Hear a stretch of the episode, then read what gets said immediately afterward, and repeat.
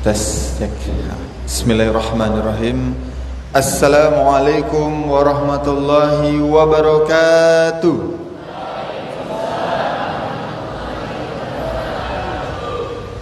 Apa kabar malam hari ini?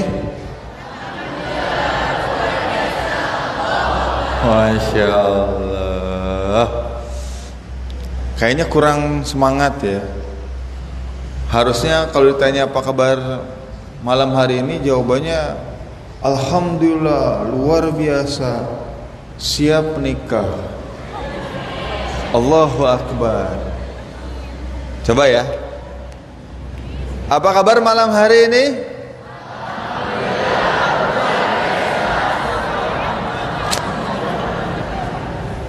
langsung nggak siap ya. Masya Allah. Disuruh nikah siap nggak siap ya?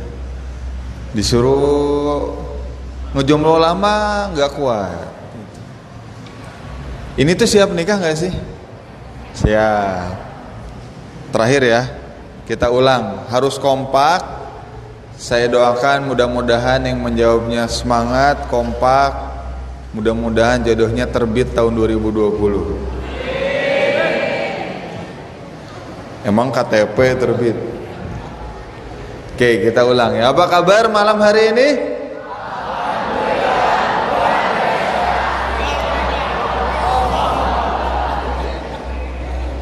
Aduh. Coba Ikhwan ya. Ahwat diam. Harus jawabannya penuh dengan integritas. Nanti kalau ketemu calon mertua, saya nikah. Coba ya. Apa kabar malam hari ini?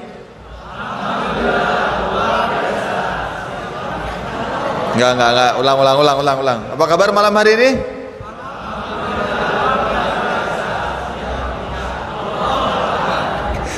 Kok ada nadanya turun ya? Terus naik lagi. Masya Allah. Takbir buat Ikhwan. Masya Allah. Coba sekarang ahwat, ya. Nggak boleh ada intonasi turun tuh nggak boleh. Ya. Yang namanya hidup tuh naik terus. Ya. Kita coba ya. Apa kabar malam hari ini?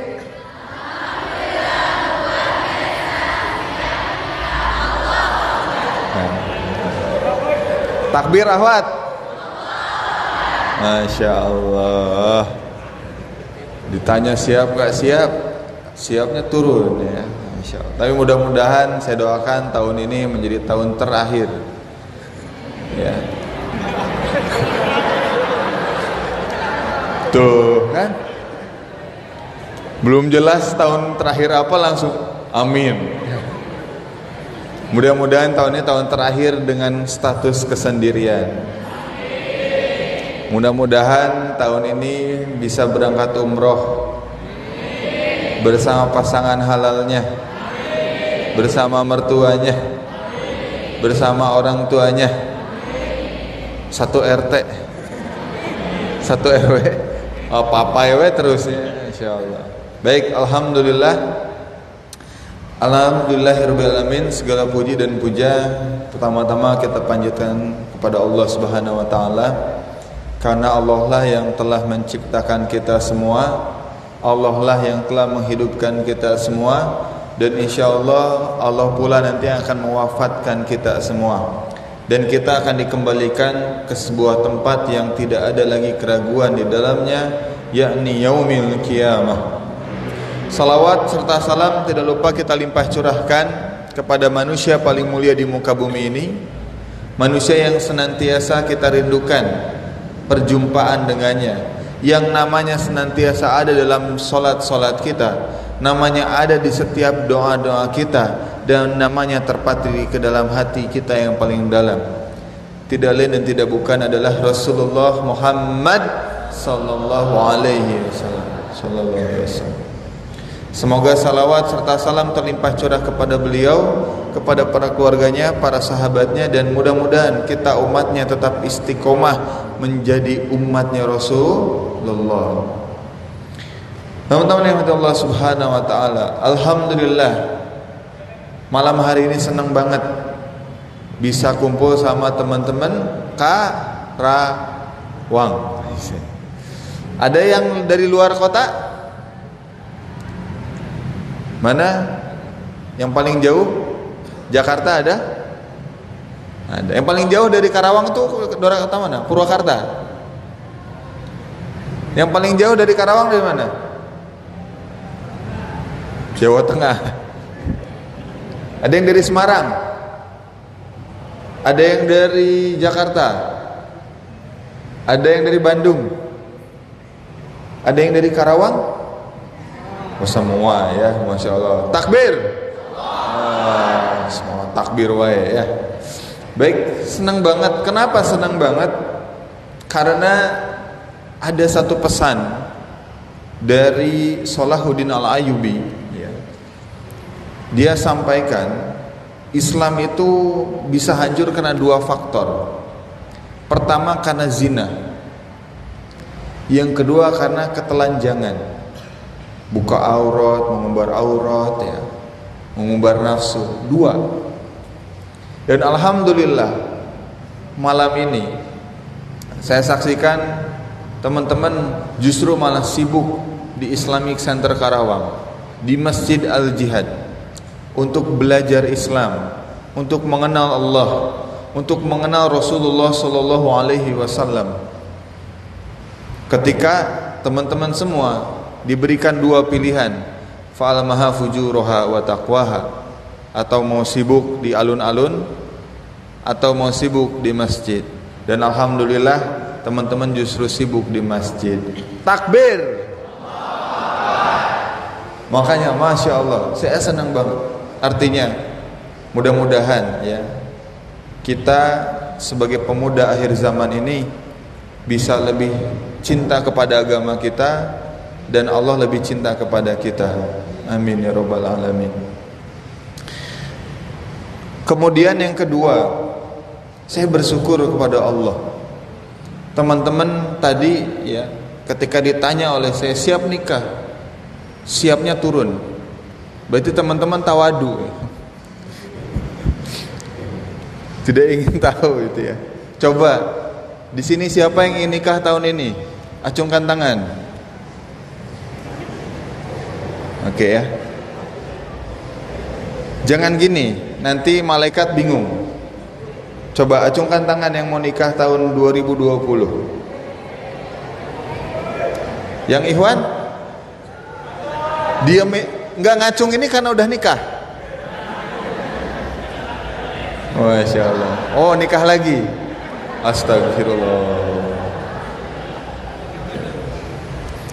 Kenapa saya bilang ngacung? Teman-teman berarti punya komitmen. Untuk apa? Untuk tidak mau membazirkan waktu sebagai pemuda.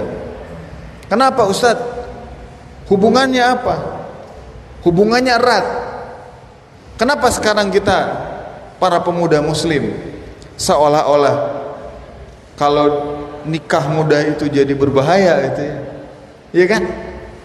Tadi siang saya ngobrol sama ke sama penghulu. Penghulunya lucu, ternyata dia ini yang nikahin uh, Raisa sama Hamis Dawud ya. Eh, Hamis Daud. Hamis Daud. Jadi haus ya. Jadi Hamis Daud sama Raisa itu dinikahin sama bapak penghulu ini. Tadi siang saya ngobrol panjang lebar.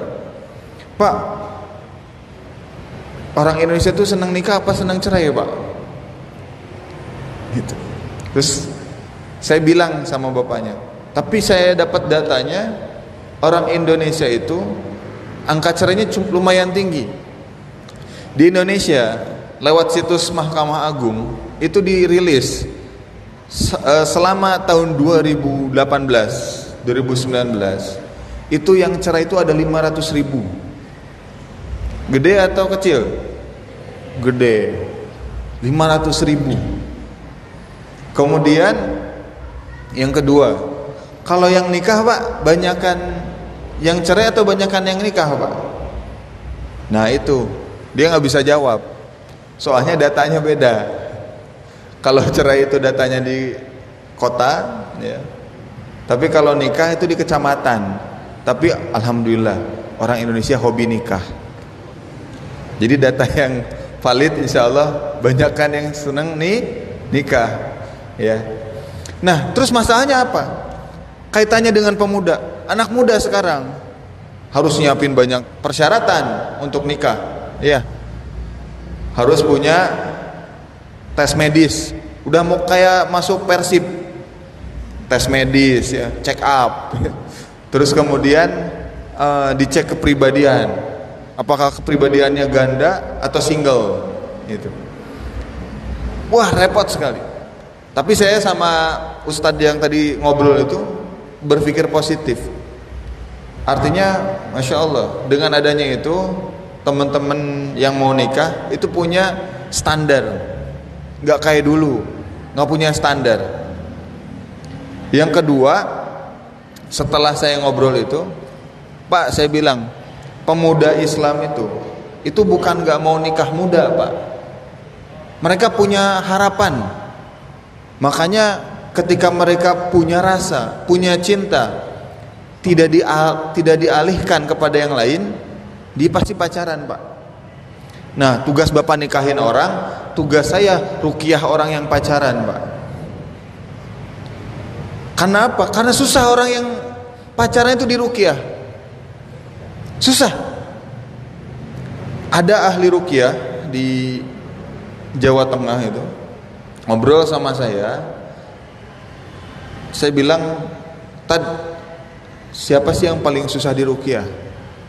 Aktivis pacaran. Itu paling susah. Aktivis pacaran itu paling susah di rukiah. Itu. Dan lucunya ketika saya diskusi dengan orang yang pacaran, itu cuma dua. Saya kasih nasihat. Antum ketika masih jomblo itu diarahkan untuk pacaran tapi setelah nikah antum disuruh selingkuh. Sama enggak? Sama. Sama-sama maksiat. Artinya, saya ingin ngasih satu kesimpulan.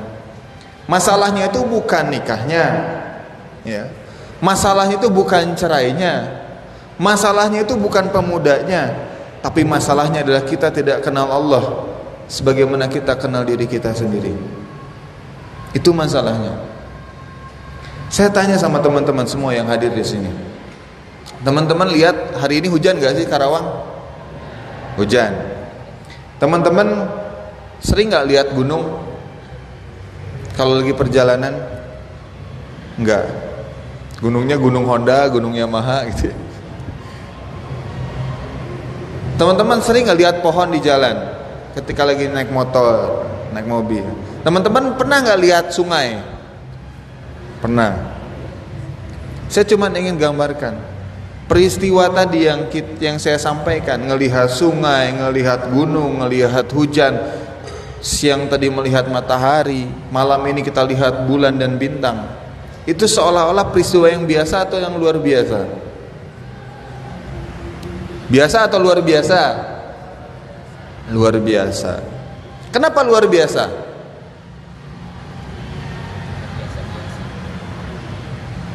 Kenapa?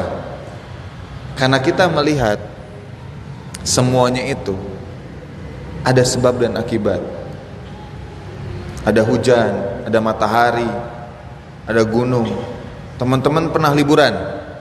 Nah, coba bayangkan teman-teman liburan lihat gunung, lihat matahari, lihat bintang, lihat lautan. Rekreasi kita itu tidak sampai menghantarkan adakah Tuhan yang layak disembah kecuali Allah? Jadi kreasi kita tuh biasa. Boleh diganti mic-nya. Ganti mic-nya. belum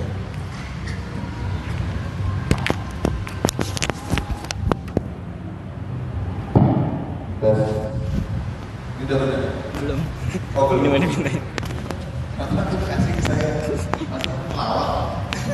biar nggak nunggu aja dan kita kembali ke Sunda Empire. Salah baca ya. Sampai mana tadi? Sunda Empire. Udahlah, lucu itu, nah, komedi. Sampai mana ya tadi ya?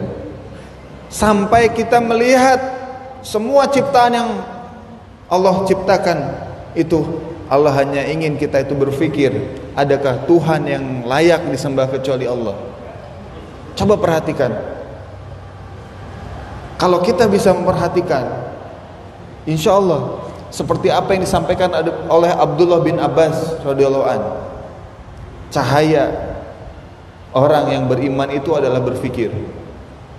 Selama kita menggunakan akal kita, selama kita menggunakan pikiran kita dan dikaitkan dengan apa yang Allah ciptakan, selama itu kita menghiasi hari-hari kita itu dengan keimanan. Ya. Solusinya itu. Pemuda mau hijrah, mulai berpikir. Ya. Saya akan ceritakan sedikit tentang konsep Rasulullah ya. Fikrah dan tarikahnya Rasulullah Sallallahu Alaihi Wasallam itu tidak berubah.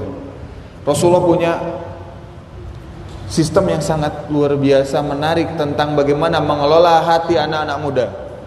Kenapa? Karena Rasulullah mengasuh anak-anak muda. Dan kalau ditarik sejarahnya, Rasulullah mengasuh anak-anak muda itu usianya di bawah Rasulullah semua.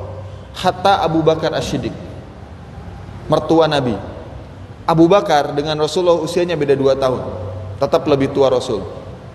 Umar bin Khattab itu juga sama, ada sekitar beda dua tahun.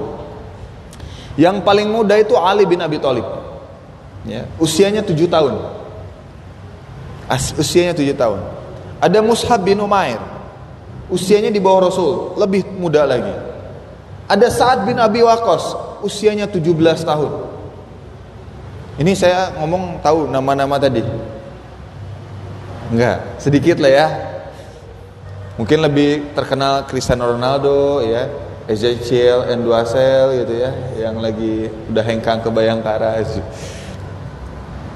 Nama-nama tadi yang disebutkan itu terukir cantik dan indah, bukan hanya di dunia tapi di akhirat. Mereka para penghuni surga Allah Subhanahu wa taala. Bukankah surga yang mereka dapatkan sama dengan apa yang kita harapkan? Betul ya? Tapi apa yang sudah mereka perjuangkan dengan kita yang sudah dan sedang kita perjuangkan beda. Tapi insya Allah saya akan gambarkan Rasulullah itu punya konsep hidup yang sangat luar biasa. Beliau mengelola hati anak-anak muda yang punya rasa cinta.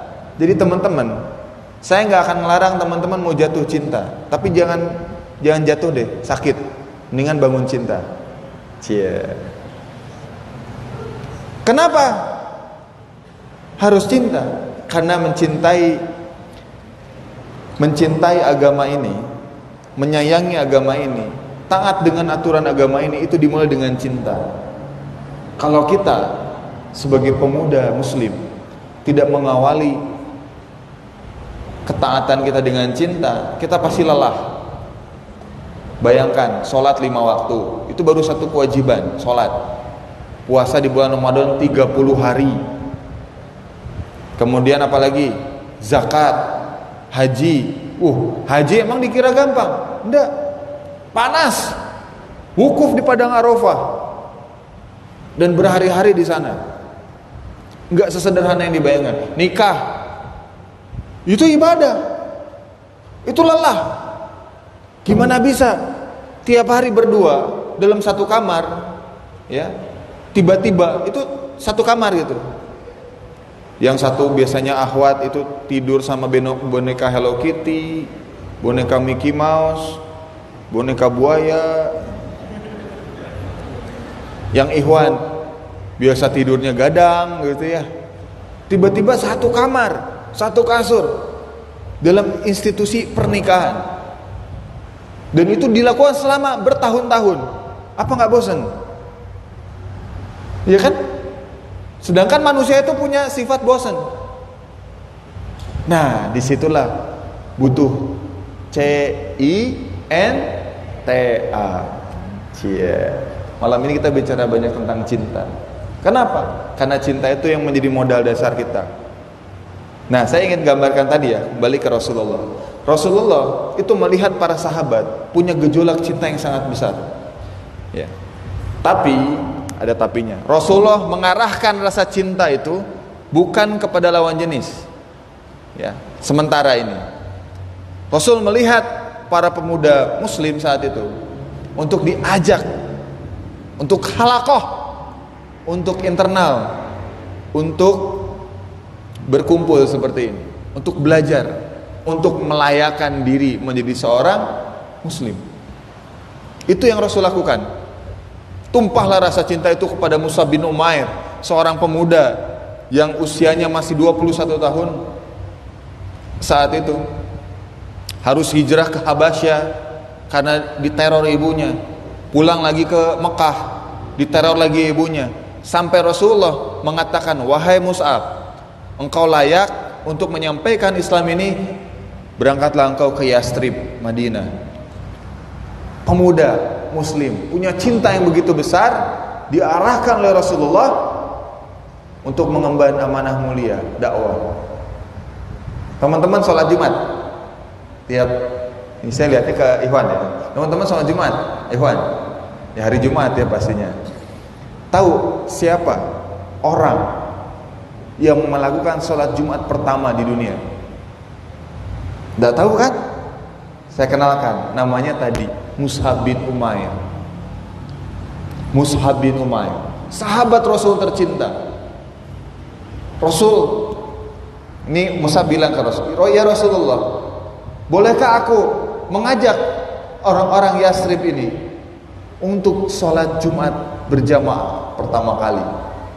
Jadi sholat Jumat pertama kali itu Musa bin Umair. Tapi kita nggak kenal. Nama itu terasa asing di telinga kita.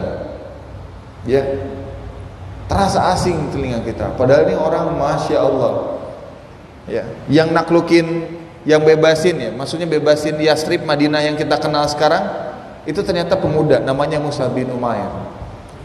Dimulai dengan cin tak cintrong gitu ya. Cinta. Musa bin Umair.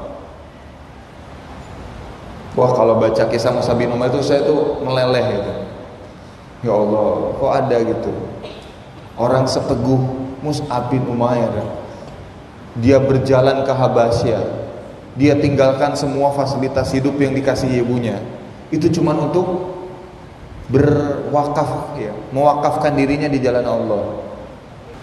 Kita memang nggak bisa seperti mereka, tapi kita bisa belajar malam ini tentang kehidupan mereka. Mungkin ini kayaknya aneh gitu di zaman milenial sekarang 5.0 5.0 ya milenial sekarang itu kan nggak kenal Musa kalau saya ngomong kayak gini di seminar-seminar di kampus cuma satu jawabannya Ustadz itu kan zaman Rasul. Gitu. Ustadz kan itu zaman Nabi. Ya Rabbi. Rasul itu teladan hidup kita, betul ya? Sallu ala Nabi. Rasul itu Masya Allah Dia teladan hidup kita Potret kehidupan kita Bahkan kalau kita nggak belajar sama Rasul, saya jamin kita nggak akan pernah masuk surganya Allah Subhanahu Wa Taala. Ya.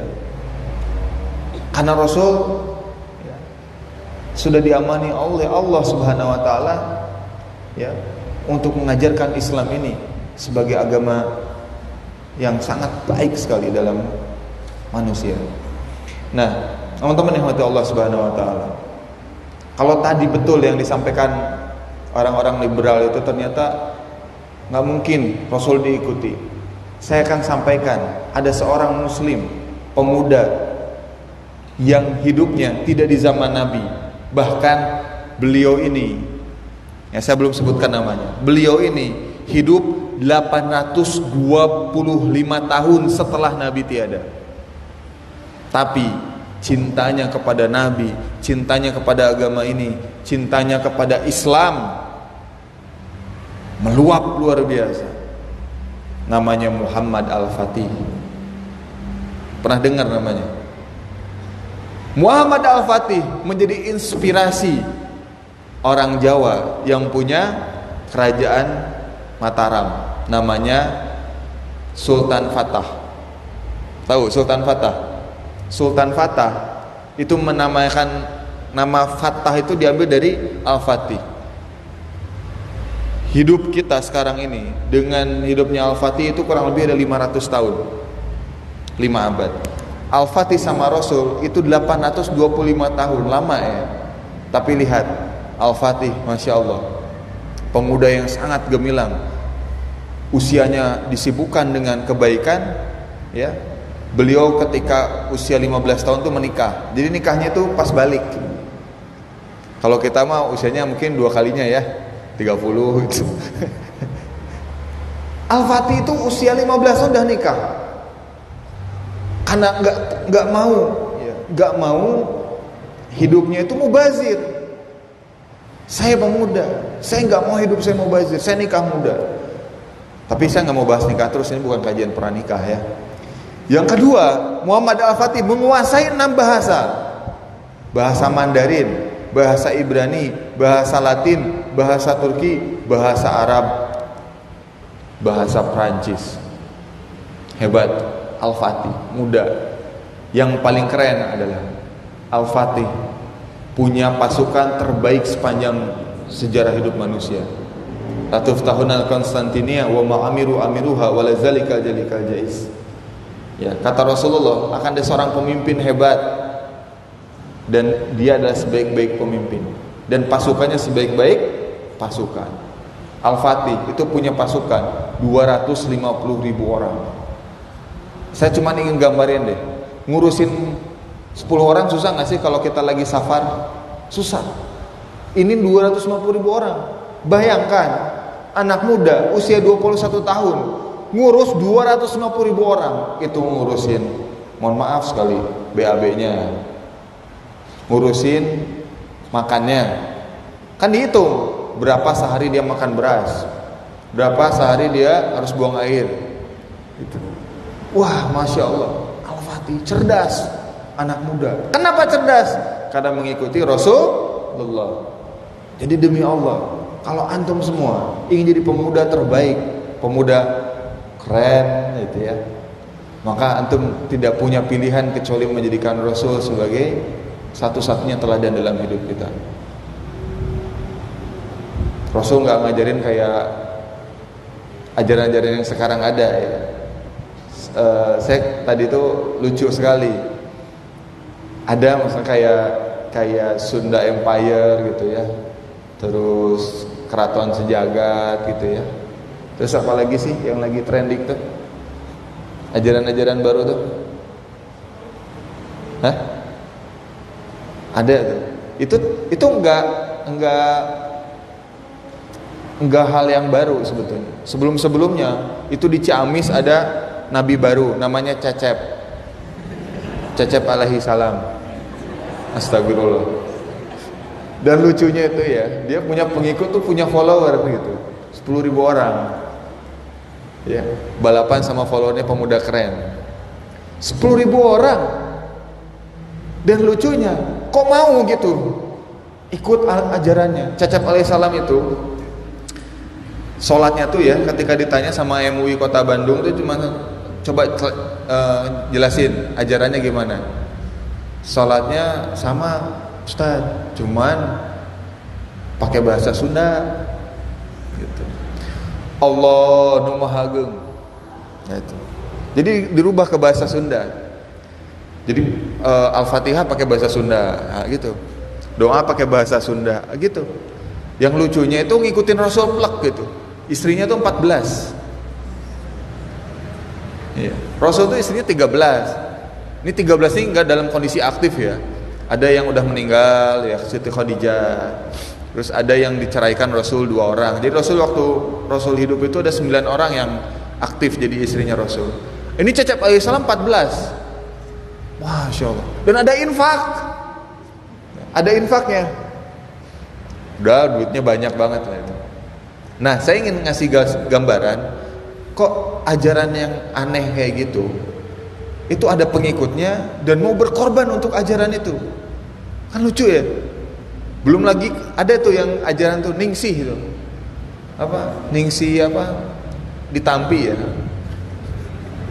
Bisa melihat nabi sama malaikat. Wah lucu banget.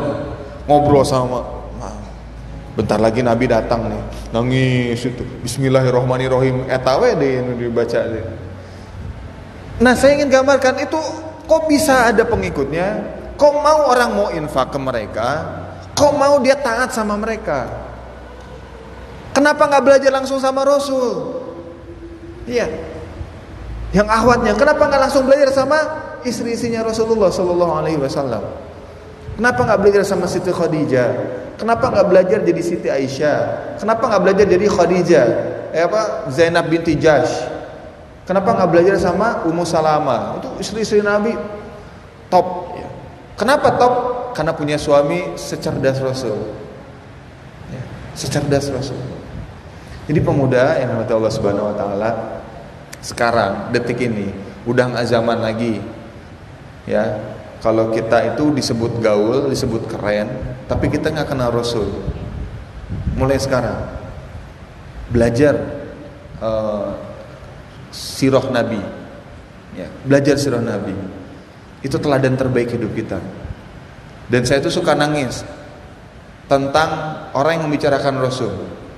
Jadi Rasul itu di dunia barat itu itu diagungkan salah satunya oleh seorang penulis namanya Michael Hort. Dia nulis 100 tokoh paling berpengaruh di dunia. Dari 100 tokoh paling berpengaruh di dunia itu Rasul itu ranking 1 dan hebatnya ini dia sampaikan di, sem di seminar di Oxford University jadi sampaikan saya punya terbitan buku, saya nulis Muhammad ini sebagai orang paling berpengaruh nomor satu.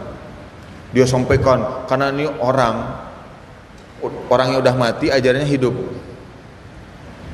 Yang kedua, dia dicintai, walaupun sudah mati.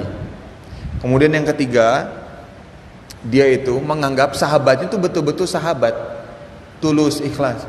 Ini analisa orang orang bukan orang muslim. Tapi saya bahagia. Wah, orang muslim kok nggak belajar sama Rasul kita tercinta. Dan sedihnya, sedihnya di negeri kita di Indonesia, Rasul itu hanya paling banter ya, paling sering itu dipakai hanya untuk sholawat. Kita nggak pernah mengenal pribadi Rasul seperti apa, betul ya? 24 jam Rasul tuh ngapain sih? Kita nggak pernah belajar kan? Iya kan? Rasul tuh senangnya makan apa sih? Orangnya sehat kayak gimana sih? Terus Rasul tuh kalau tidur tuh mulainya jam berapa sih? Gitu ya. Terus Rasul kalau mau melamar akhwat tuh gimana sih gitu. Iya. Kita belajarnya cuma dari aplikasi Tinder, Instagram, DM-DMan, WhatsApp-WhatsAppan gitu ya. Kita nggak belajar sama orang yang paling hebat di muka bumi ini. Demi Allah, kalau antum bisa mengenal Rasul, hati antum menjadi semakin lembut. Karena Rasul itu punya kepribadian yang sangat luar biasa, lembut luar biasa. Takbir. Ya, jadi mudah-mudahan ketika nanti umroh teman-teman bisa ikut ke Baitullah dan kenal dengan Rasulullah ya. Jadi ke umroh itu jangan hanya beli apa beli kurma, beli jilbab gitu ya. Sedih betul. Kenal lah.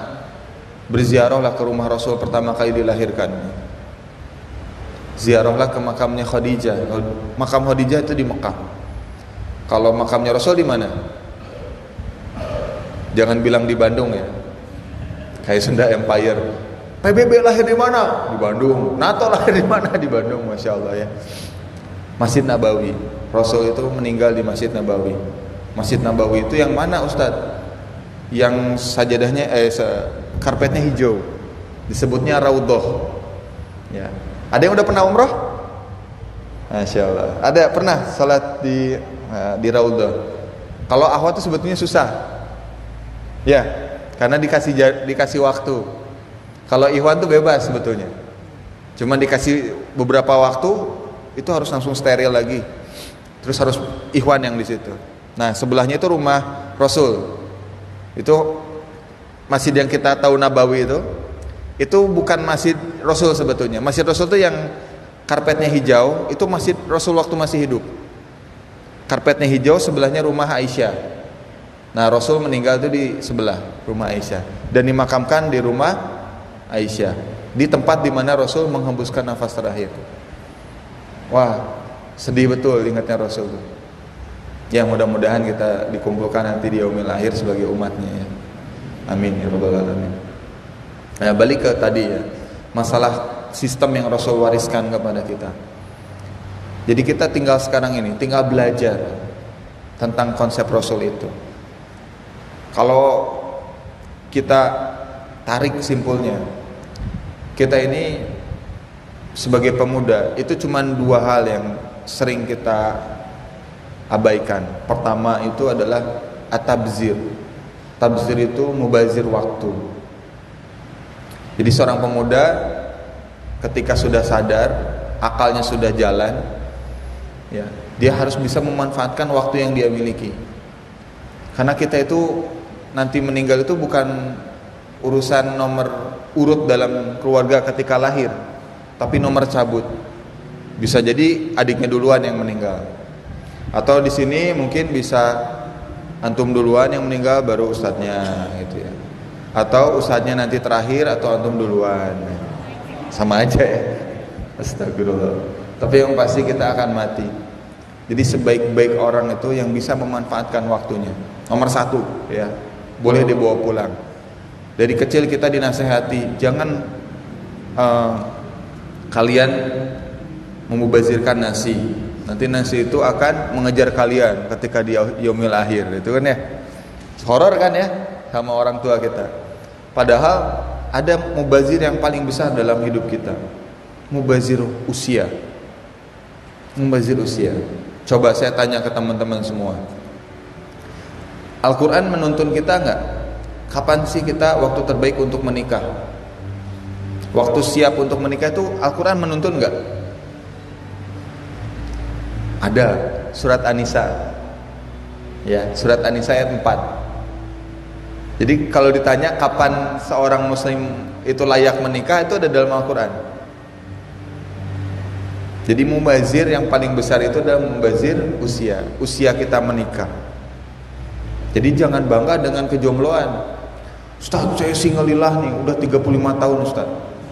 Alhamdulillah Ustaz. Rumah udah dua, mobil ada empat, terus punya bisnis menjamur Ustaz. Antum jomblo, ya jangan bangga. Kenapa?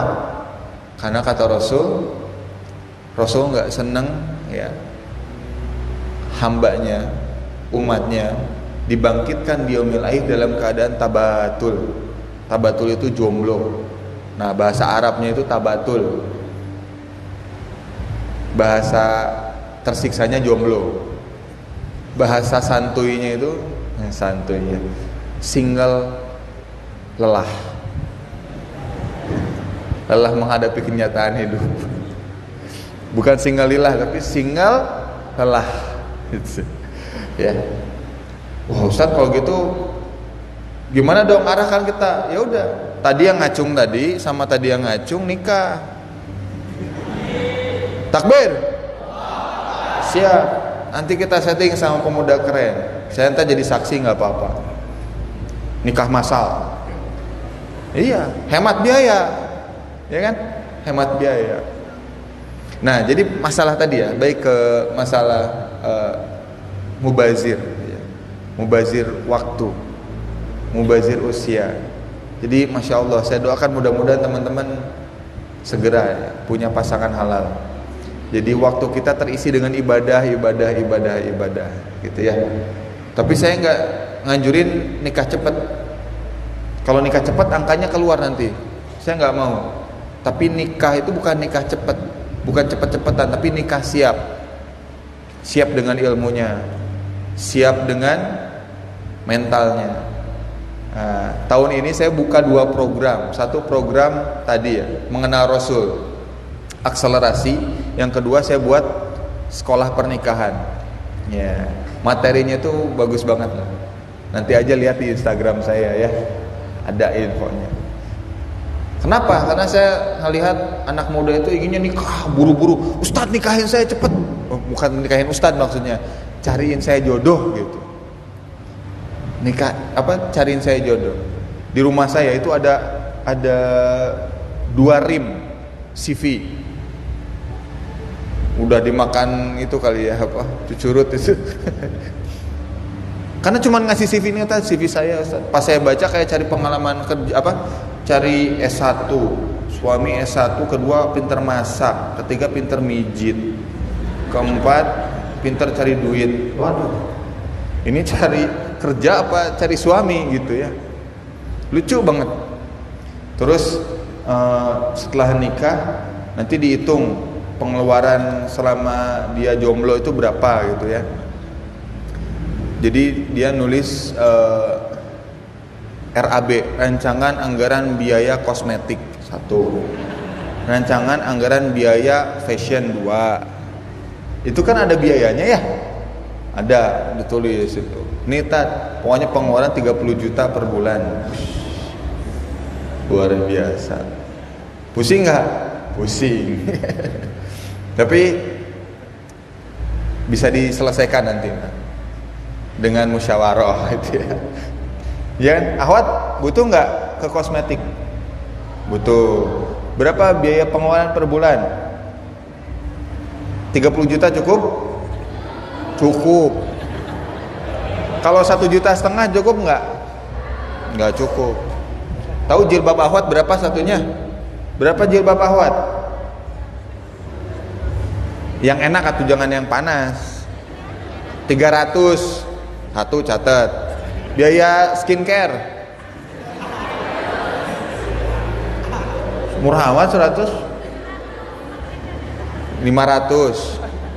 Ya. Terus beli apa lagi? Gamis. Gamis dicatat. Nah, dipikirin kan, wah Ustaz pulang langsung stres. Aduh Ustaz. Gak mau nggak jadi siap nikah, Ustaz nanti nabung dulu aja lah. Cari ahwat yang konaah. Nggak ada itu. Kamu mau nggak hidup susah sama aku? Nggak ada. Bener ya? Mau nggak ada Iwan datang?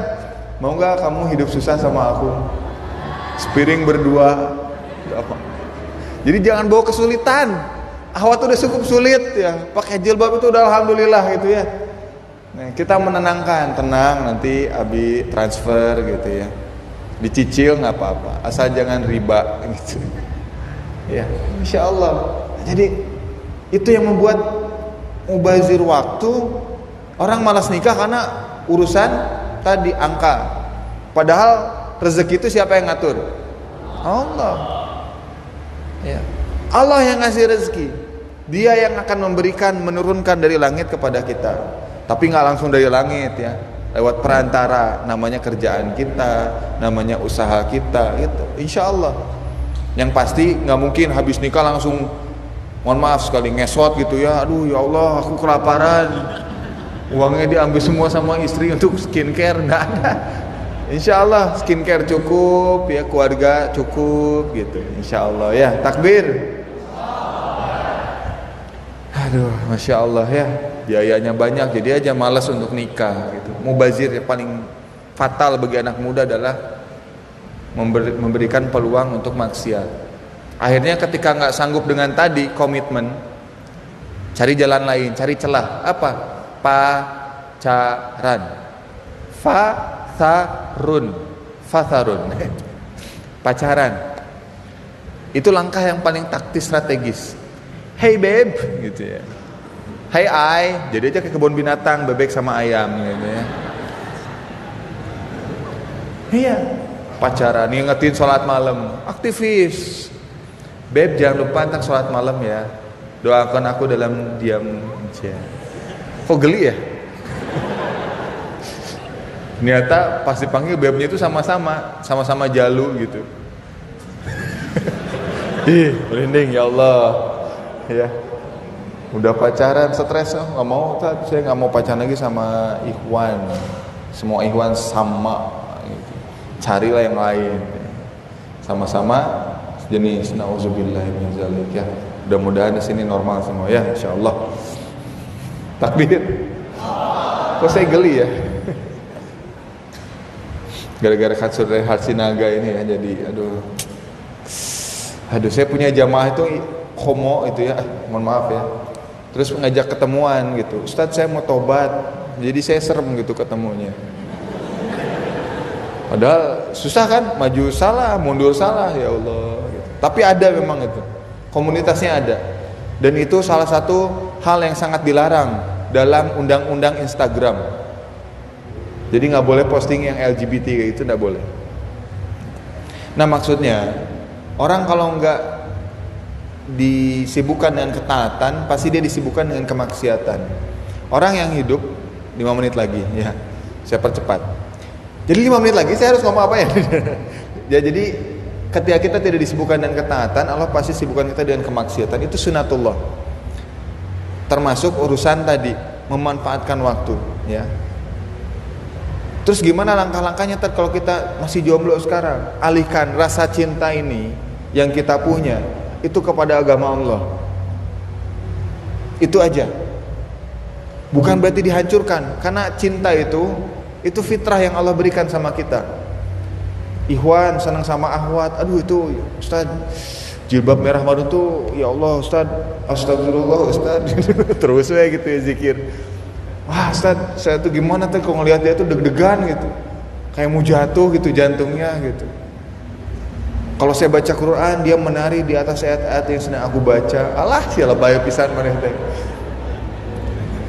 Iya. Wah.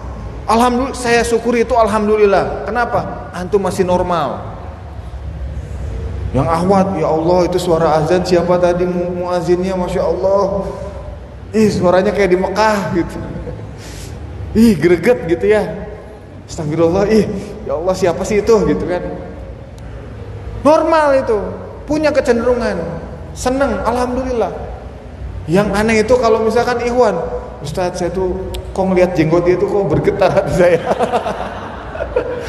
Wah itu baru saya deg-degan gitu ya. Astagfirullahaladzim itu. Berarti alhamdulillah. Masih Allah berikan kita tuh sifat normal gitu. Ya. Jadi kecenderungan itu ada dan suka itu nggak apa-apa. Suka itu nggak apa-apa. Nah, cuman ada syaratnya. Suka itu itu terikat dengan bagaimana menyalurkannya. Gitu. Fa'al maha fujuroha wa taqwaha. Mau ngambil jalan yang takwa atau jalan yang fujur, itu aja. Mau ngambil pacaran atau pernikahan, mau, ngambil mubazir atau mau ngambil memanfaatkan waktu sebaik-baiknya itu pilihan life is choice jadi pemuda itu ya titip pesan saya jangan sampai mubazir. Ya. Yang kedua adalah dakwah. Karena dakwah ini adalah aktivitas para nabi. Teman-teman semua yang dirahmati Allah Subhanahu wa taala. Hidup kita ini kalau bukan untuk dakwah untuk apa? Ya kan? Dakwah itu apa Ustaz ceramah kayak gini? Enggak. Dakwah itu apa waman ahsanu qaula mimman da'a ilallah. Mengajak orang sebanyak-banyaknya ke jalan Allah. Itu dakwah. Ngelihat orang yang pacaran jangan ikut baper. Lihat orang pacaran ya Allah Gusti aduh dia punya pacar aku jomblo nangis gitu. Remeh banget gitu ya. Ngelihat orang yang pacaran imannya bangkit. Hus hus harom harom gitu. Eh tadi saya ngobrol sama Kang Cecep. Kang Cecep emang masjid ini dulu pernah banyak yang pacaran? Banyak Ustaz. Akhirnya bubar setelah ada pemuda keren Masya Allah. Takbir untuk pemuda keren? Masya Allah. Ya dengan adanya dakwah mereka malu. Pacaran di sini kan apaan di masjid pacaran? Dan nauzubillah di tempat lain tuh sampai masjid itu ada yang dipakai buat perzinahan. Ketahuan sama takmir masjid astagfirullah saya sampai ya Allah kok ngapain zina gitu ya nikah aja toh gitu ya nikah tuh enak slow gitu santuy gitu ya nggak rusuh gitu muka orang yang zina tuh wah Auzubillah min seperti Salahuddin Al-Ayyubi tadi bilang Terus lawannya gimana tad? Dakwah. Mulai hari ini aktifkan semua media sosial teman-teman semua untuk menyampaikan risalah Islam ini. Mulai malam ini caption-captionnya, tulisan-tulisannya dibuat buat dakwah. Meskipun teman-teman nggak dikasih panggung kayak khotib Jumat, kayak kajian seperti ini, teman-teman punya andil di sana. Teman-teman yang moto nih, ini moto juga dakwah. Bahkan mungkin teman-teman muda keren yang merangkai acara ini pahalanya jauh lebih besar daripada yang ngomong saya kayak gini kenapa karena amalnya terjaga saya ngomong kayak gini punya sifat ria aja sedikit aja lihat wah ini kalau nggak Ustadz Akbar kayaknya sepi ini. Wah udah hancur itu amal saya. Hancur. Tapi teman-teman yang mati Allah Subhanahu Wa Taala datang ke sini menjaga niat menjaga adab ikut uh, apa namanya alur rangkaian acara sampai besok kan ya? Sampai subuh gitu. Tiba-tiba besok alokasi jodoh gitu sebelum matahari terbit gitu ya. Masya Allah. Kok ke jodoh terus ya Tat ya? Kayaknya pemuda keren salah ngundang tema ini ya nah jadi yang kedua dak dakwah dakwah itu mengajak bukan mengejek. Dakwah itu merangkul bukan memukul. Dakwah itu dengan cinta bukan dengan murka. Jadi kalau teman-teman dakwah itu jangan dengan jalan yang kasar tidak boleh. Sampaikan dengan santun. Kalau ada ini kalau ikhwan ya, ini punya teman nggak mau sholat, kita nasehatin itu jangan ngapain kamu tumben ke masjid. Masjid itu untuk orang-orang suci tahu. Kamu benerin dulu deh diri kamu baru kamu ke masjid. Ini nggak boleh kayak gitu. Haram kulu finnar. Edan emang surga kuncinya di dia gitu ya. Nah, sampein wih masya Allah tambah ganteng aja nih ke masjid. Masya Allah kayaknya jodohnya nanti nih habis sholat isya nih. Gitu. enak yang mana kira-kira? Ke satu atau yang kedua? Kedua enak. Bisa terakhir ya yang ahwat coba ahwat itu kan sensinya tinggi karena ahwat itu makhluk halus. Kita ini makhluk kasar. Kenapa? Karena Allah ciptakan kita ya para ikhwan itu dengan sembilan pemikiran dan satu perasaan. Sedangkan ahwat Allah ciptakan Allah menciptakan ahwat itu dengan sembilan perasaan dan satu pemikiran. Betul ya? Makanya yang banyak baper itu ahwat sebetulnya. Dan fitrahnya beda. Makanya ini ini budaya yang sangat baik ya. Kultur yang sangat baik. Dipisah kayak gini tuh udah bagus banget. Karena kulturnya beda. Dikit lagi ya. Uh, ikhwan ya. Kulturnya itu gaulnya sama ikhwan lagi. Yang ahwat kulturnya sama ahwat lagi. Kalau dicampur malah bahaya. Namanya ikhtilat. Nah kultur ini jangan sampai dirusak. Termasuk oleh kita. Kita budayakan ini kultur ikhwan itu beda dengan fitahnya masing-masing. Ikhwan itu kalau ke toilet itu nggak mungkin ditemenin. Ya kan? Sendiri kan? Kalau ahwat itu pasti bawa teman. Sambil pegangan tangan. Gitu ya. Dek ke toilet tuh antar ayo gitu ya. Coba bayangkan bayangkan yang fitrah yang tertukar ini. Kalau ada fitrah yang tertukar gimana? Ah antara tuh ke toilet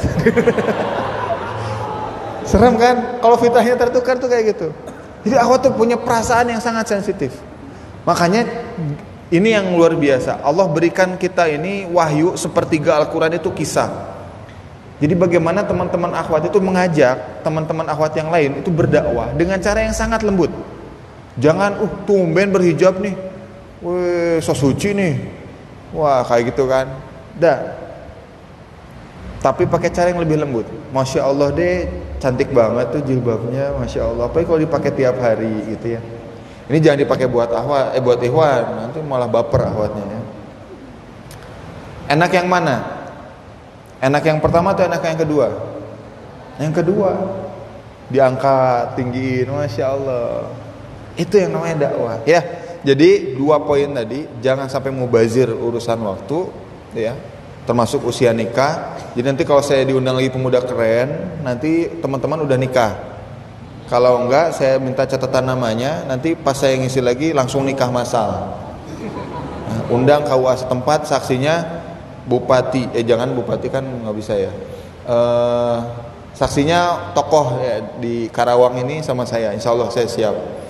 Gitu ya. Saya nanti nyetir jauh-jauh dari Bandung cuman untuk datang sebagai saksi. Masya Allah. Takbir gitu ya. Mungkin itu dulu dari saya. Nanti kalau kemalaman bahas cinta malah meleleh nanti ya. Mungkin itu saya batasi dulu. Nanti kita langsung tanya jawab mungkin ya ke MC saya kembalikan ke MC tafadol Assalamualaikum warahmatullahi wabarakatuh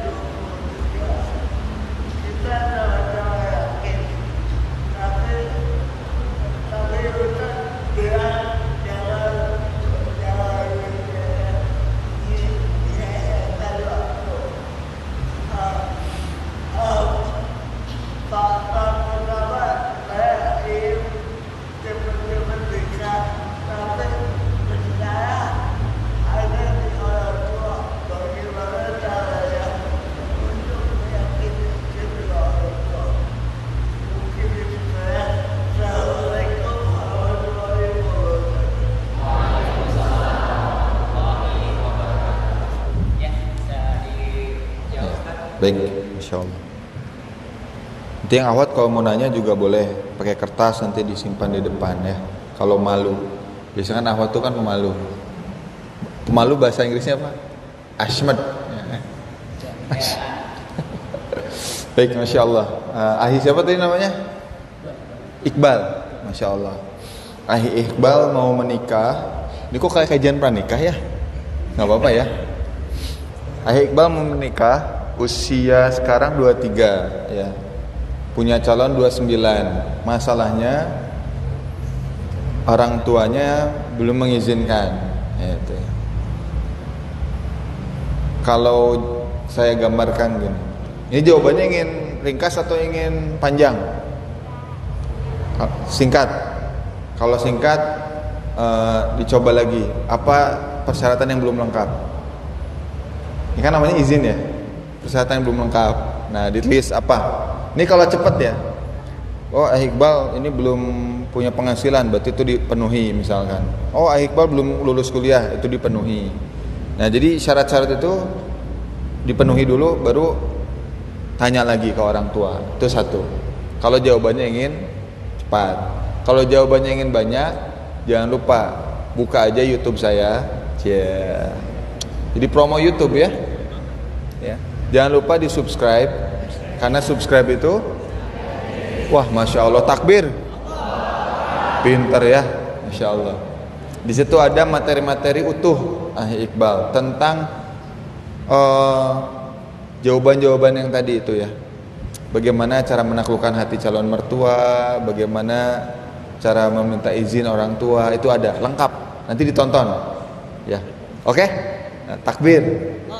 Ya, setelah di-subscribe jangan lupa dikasih like. Kalau dislike, kualat antum sama Ustadz semua ya. Kasih like, kasih komen-komen menarik. Gitu ya. Ustadz doain segera menikah tahun ini. Nanti saya amin. Oh langsung dilihat ribuan orang. Wah masya Allah. Mudah-mudahan tahun ini betul-betul menikah. Itu ya Ayah Iqbal ya. Masya Allah. Ada lagi yang mau nikah tahun ini? Ada? Enggak yang benar-benar menikah ini ya? Ada. Ada. Siapa antum? Oh, itu. Silakan eh, kembalikan ke MC. Ya. Eh, bisa dipahami ya atas jawaban dari ustadznya. Insya Allah kita juga memahami. Dan kemudian eh, mungkin untuk akhwat juga tentunya ada yang ingin ditanyakan terlebih dahulu. Pertanyaannya hanya satu lagi nih. Jadi silakan untuk yang ingin bertanya.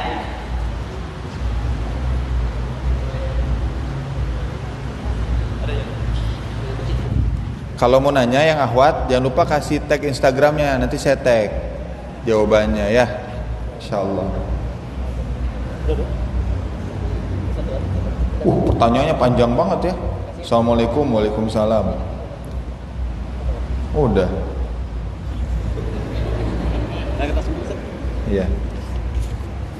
Kalau enggak, kalau kita kan lagi di zaman milenial ini kan harus less waste ya. Berarti kalau ini kertas jangan jadi sampah.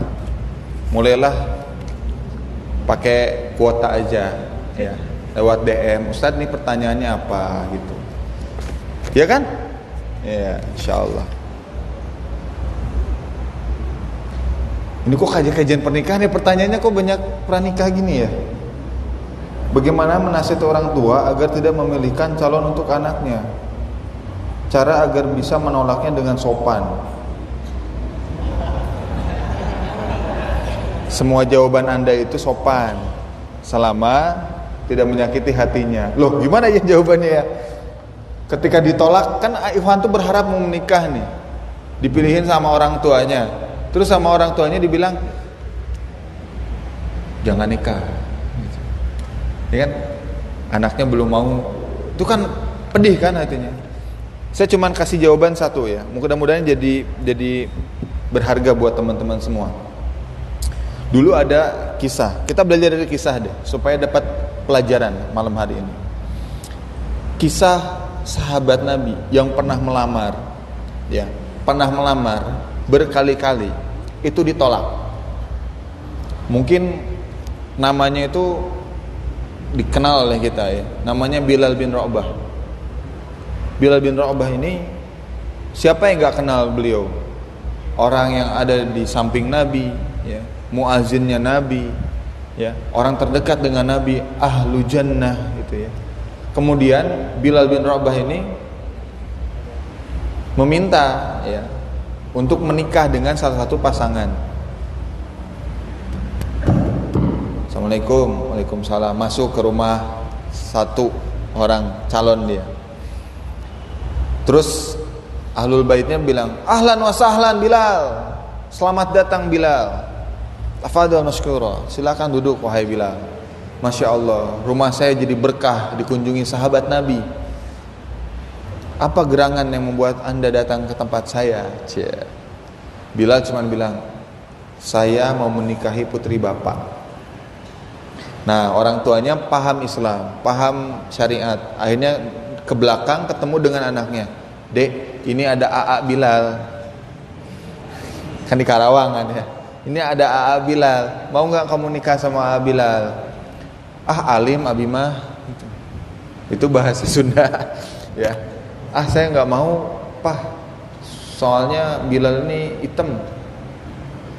Nggak mau, saya nggak suka.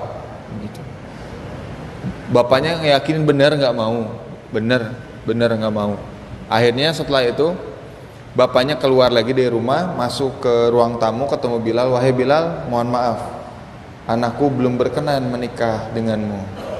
Apa yang dilakukan Bilal? Marah.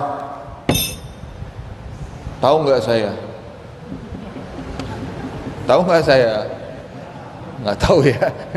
Saya sahabat Nabi tahu nggak? Saya ini ahli surga. Saya hidup surga udah dijamin bro cuy. Bilal ngomong gitu. Bilal cuman berdiri kemudian takbir tiga kali. Allahu Akbar, Allahu Akbar, Allahu Akbar. Ya Pak, Assalamualaikum warahmatullahi Ke rumah kedua gitu lagi. Takbir lagi. Ke rumah ketiga terus berkali-kali.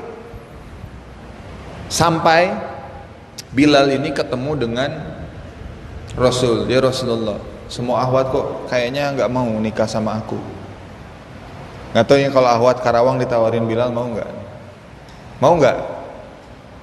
Ahli surga loh, suaminya ahli surga. Nggak mau juga. nah, tapi yang luar biasa, Bilal ini minta sama Rasul, Rasul tolong jodohkan aku dengan wanita pilihanmu. Maka masya Allah jodohnya di akhir itu ya singkat cerita itu dengan orang paling kaya di di, di Jazirah Arab.